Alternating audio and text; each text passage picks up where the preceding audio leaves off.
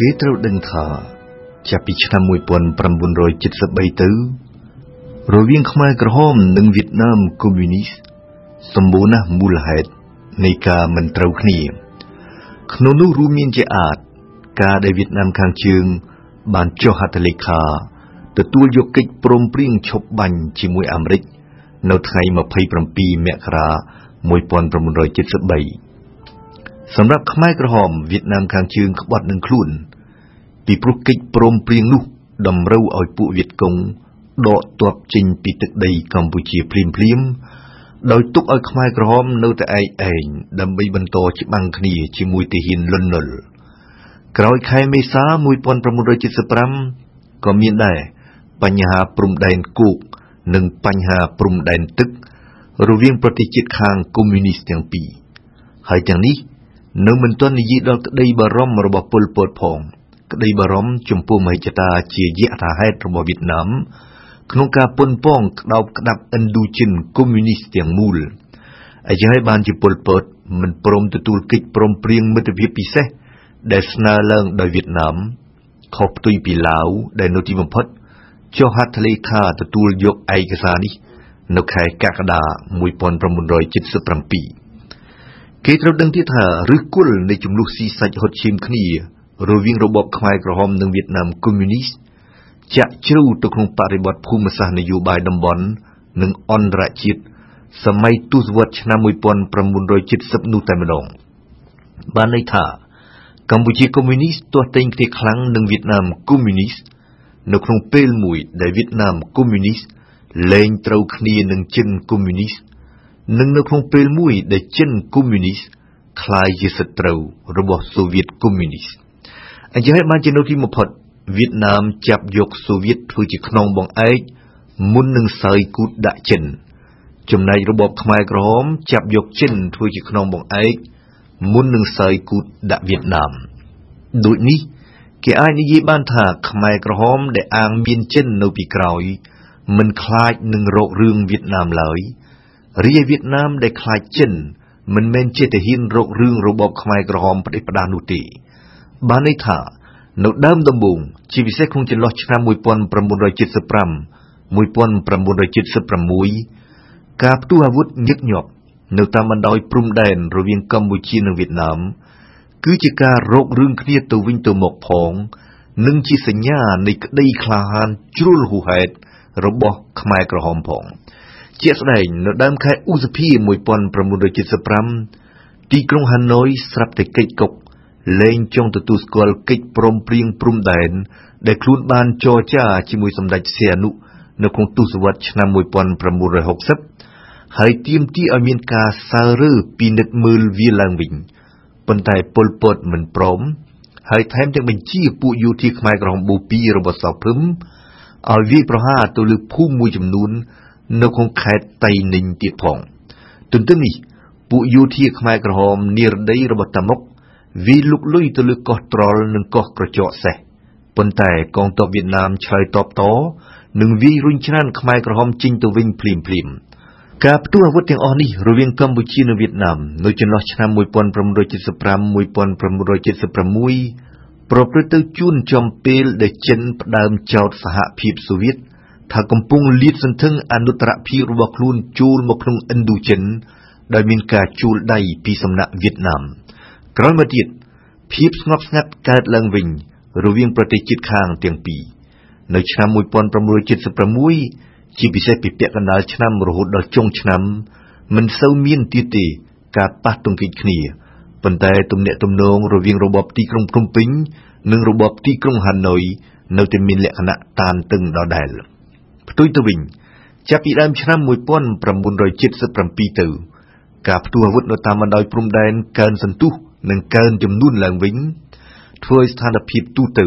ចាប់ផ្ដើមបោះជំហានបណ្ដើបណ្ដើទៅរកសង្គ្រាមគូគូបញ្ជាក់ថាការប៉ះទង្គិចគ្នាជាថ្មីទាំងអស់នេះកើតឡើងតែប៉ុន្មានសប្តាហ៍ប៉ុណ្ណោះក្រោយពីចិនបានសម្រេចចិត្តបង្កើនជំនួយយោធាដល់របបខ្មែរក្រហម។ ក្រោយមរណភាពរបស់ម៉ៅសេទុងនៅខែកញ្ញា1976ទីក្រុងប៉េកាំងផ្ដើមខ្វល់ខ្វាយមែនទែននឹងបញ្ហាឥណ្ឌូចិនម្យ៉ាងពីព្រោះកាលនោះ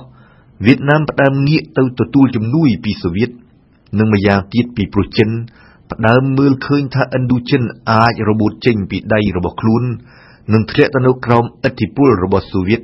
តាមរយៈនយោបាយការបរទេសរបស់វៀតណាម ក្តីបារម្ភនេះរបស់ចិនផ្ដើមคล้ายបណ្ដើបណ្ដើទៅជាការពិតចាប់ពីខែវិច្ឆិកា1978ទៅក្រោយពីវៀតណាមបានចុះហត្ថលេខាទទួលយកសន្ធិសញ្ញាសហប្រតិបត្តិការមិត្តភាពជាមួយសូវៀតរួចមកគឺនៅក្នុងបរិបទនៃការប្រែប្រួលភូមិសាស្ត្រនយោបាយនៃតំបន់ឥណ្ឌូចិនបែបនេះហើយដែលគេត្រូវវិភាគរកមើលមូលហេតុនៃការផ្ទុះសង្គ្រាមរវាងកម្ពុជានិងវៀតណាម មែនទែនទៅ បើគ្មានឆន្ទៈបញ្ឆេះភ្លើងសឹកពីសំណាក់ម្ខាង ឬពីសំណាក់ម្ខាងទៀតទេ ការប៉ះទង្គិចគ្នាម្ដងតិចម្ដងខ្លាំង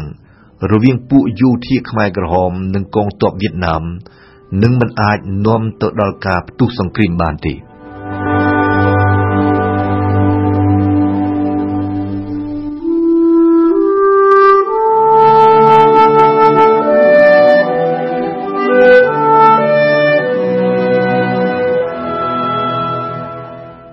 តើខាងណារបបខ្មែរក្រហមឬរបបទីក្រុងហាណូយជាអ្នករករឿងបញ្ចេះភ្លើងសង្គ្រាមមុនគេគ្រប់អ្នកស្រាវជ្រាវបរទេស Elizabeth Baker David Chandler Ben Kernan លាក់និងលាក់សុទ្ធតែអះអាងថារបបខ្មែរក្រហមរបស់ប៉ុលពត ជាអ្នករករឿងបង្កសង្គ្រាមមុន ការពិតអីចឹងមែនត្បិតចាប់ពីឆ្នាំ1977ទៅ នៅខាងកម្ពុជា មានព្រឹត្តិការណ៍មួយចំនួន ដែលបង្ហាញយ៉ាងច្បាស់ក្រឡែតថារបបខ្មែរក្រហមសម្រេចចិត្តរករឿងវៀតណាមជាក់ស្ដែង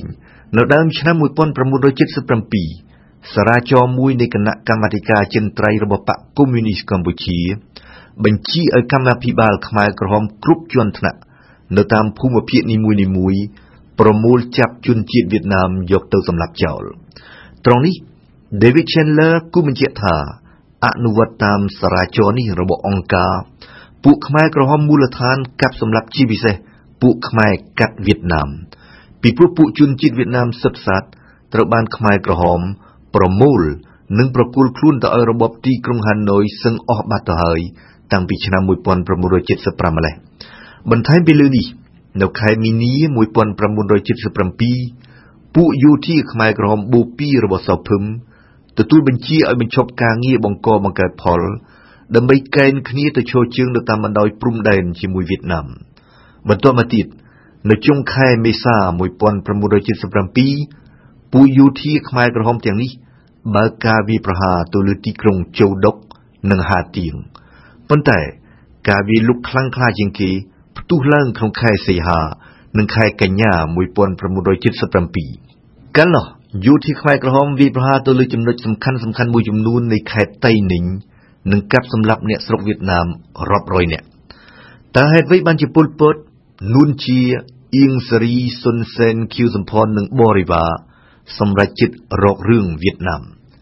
គេត្រូវដឹងថានៅឆ្នាំ1977ក្នុងរយៈពេលទៅជិត2ឆ្នាំប៉ុណ្ណោះក្រោមការដឹកនាំនៃរបបខ្មែរក្រហមប្រជាជាតិកម្ពុជាស្ថិតក្នុងស្ថានភាពត្រដោះខ្យល់ ដោយបានលើកឡើងរួចអស់ហើយថារបបខ្មែរក្រហមរបស់ប៉ុលពតយកការសងសឹកមកធ្វើជាមូលដ្ឋាននៃវិធានការដែលត្រូវអនុម័តយកការកាប់សម្លាប់រង្គាលមកធ្វើជារបៀបគ្រប់គ្រងប្រទេសនិងចាត់ទុកប្រជាជនទាំងប្រុសទាំងស្រី និងទាំងក្មេងទាំងចាស់ថាគ្រាន់តែជាឧបករណ៍បង្កបង្កើតផលសឹងអន់ជាងគូក្របីទៅទៀតម្ល៉េះហើយប្រជាជនរាប់សិបម៉ឺននាក់ស្លាប់កជើងគ្នាដែលហេតុតែការកាប់សម្លាប់ ដែលហេតុតែការអត់បាយក្រហាយទឹកដែលហេតុតែជំងឺនឹងមកពីធ្វើការហួសកម្លាំងម្ល៉េះហើយនៅពេលនោះពួកមេខ្មែរក្រហមក្រាក់ក្រាក់នៅភ្នំពេញដែលបន្តលាក់មុខក្រោយពីអង្គការដឹងខ្លួនថាកំពុងត្រូវប្រជាជននៅទូទាំងប្រទេសស្អប់ខ្ពើមមិនតែប៉ុណ្ណោះពួកគេដឹងខ្លួនទៀតថានឹងអាចបាត់បង់អំណាចនៅទីបំផុតត្បិតការប្រឆាំងជាយថាហេតុពីសំណាក់សត្រូវឬសត្រូវសក្តានុពលនៅក្នុងជួរបក និងក្នុងជួររដ្ឋាភិបាលអាចនឹងកើតឡើងគឺនៅក្នុងស្ថានភាពបែបនេះហើយដែលពួកក្រុមពលពតចាំបាច់ត្រូវតែរកអ្នកទទួលថ្មបាក់ត្រូវតែចង្អុលឲ្យចំអ្នកទទួលខុសត្រូវនៃបរាជ័យរបស់ពួកគេ អ្នកទទួលថ្មបាក់នោះគឺត្រូវតែជាប្រទេសវៀតណាមនៅត្រង់នេះ Elizabeth Baker និង David Chandler អះអាងថាចាប់ពីចុងឆ្នាំ1976 ដើមឆ្នាំ1977ទៅ នៅក្នុងអង្គប្រជុំសំខាន់សំខាន់របស់បកពលពតនិយាយតែពីការគំរាមកំហែងពីសំណាក់វៀតណាមនិងពីពួកខ្មាំងបង្កប់ខ្លួននៅក្នុងជួរបកនៅក្នុងជួររដ្ឋាភិបាល និងនៅក្នុងជួរកម្មាភិបាលមូលដ្ឋាន សម្រាប់ពលពតគឺសុទ្ធសឹងជាពួកក្បាលយួនខ្លួនខ្មែរ ដែលបំរើផលប្រយោជន៍វៀតណាម និងដែលចាំតែបំផ្លាញផែនការរបស់អង្គការដូចជាផែនការធ្វើស្រែ1ហិកតាឲ្យបាន3តោនជាដើម តាមរយៈការចោទប្រកាន់ទៅលើពួកខ្មាំងក្បាលយួនខ្លួនខ្មែរនិងតាមរយៈការចោទប្រកាន់ទៅលើវៀតណាមថាជាអ្នកទទួលខុសត្រូវចំពោះមហន្តរាយសេដ្ឋកិច្ចសង្គមគិច្ចនិងមនុស្សធម៌នៅទូទាំងប្រទេសកម្ពុជាពលពតចង់សម្រេចគោលដៅនយោបាយមួយចំនួន ទី1 លាងសម្អាតកំហុសនៃនយោបាយឈួតលីលីរបស់ពួកក្រុមខ្លួន ទី2បំផុសបំផុលជាតិនិយមស្អប់ខ្ពើមវៀតណាម ដែលជាសត្រូវសួរពូជរបស់ខ្មែរ ដើម្បីពង្រឹងឯកភាពបកនិងឯកភាពជាតិឡើងវិញ ទី3យកឱកាសបោសសម្អាតផ្ទៃក្នុងបកតាមរយៈការកំទេចឲ្យអស់រលីងពួកប្រឆាំងពួកគូប្រជែងនិងពួកខ្មាំងសក្តានុពល តើរបបខ្មែរក្រហមត្រៀមខ្លួនបែបណា នៅផ្ទៃក្នុងប្រទេសនិងនៅលើវិស័យការបរទេសដើម្បីធ្វើសង្គ្រាមនឹងវៀតណាមខ្ញុំនឹងឆ្លើយនឹងសំណួរនេះនៅសប្តាហ៍ក្រោយ។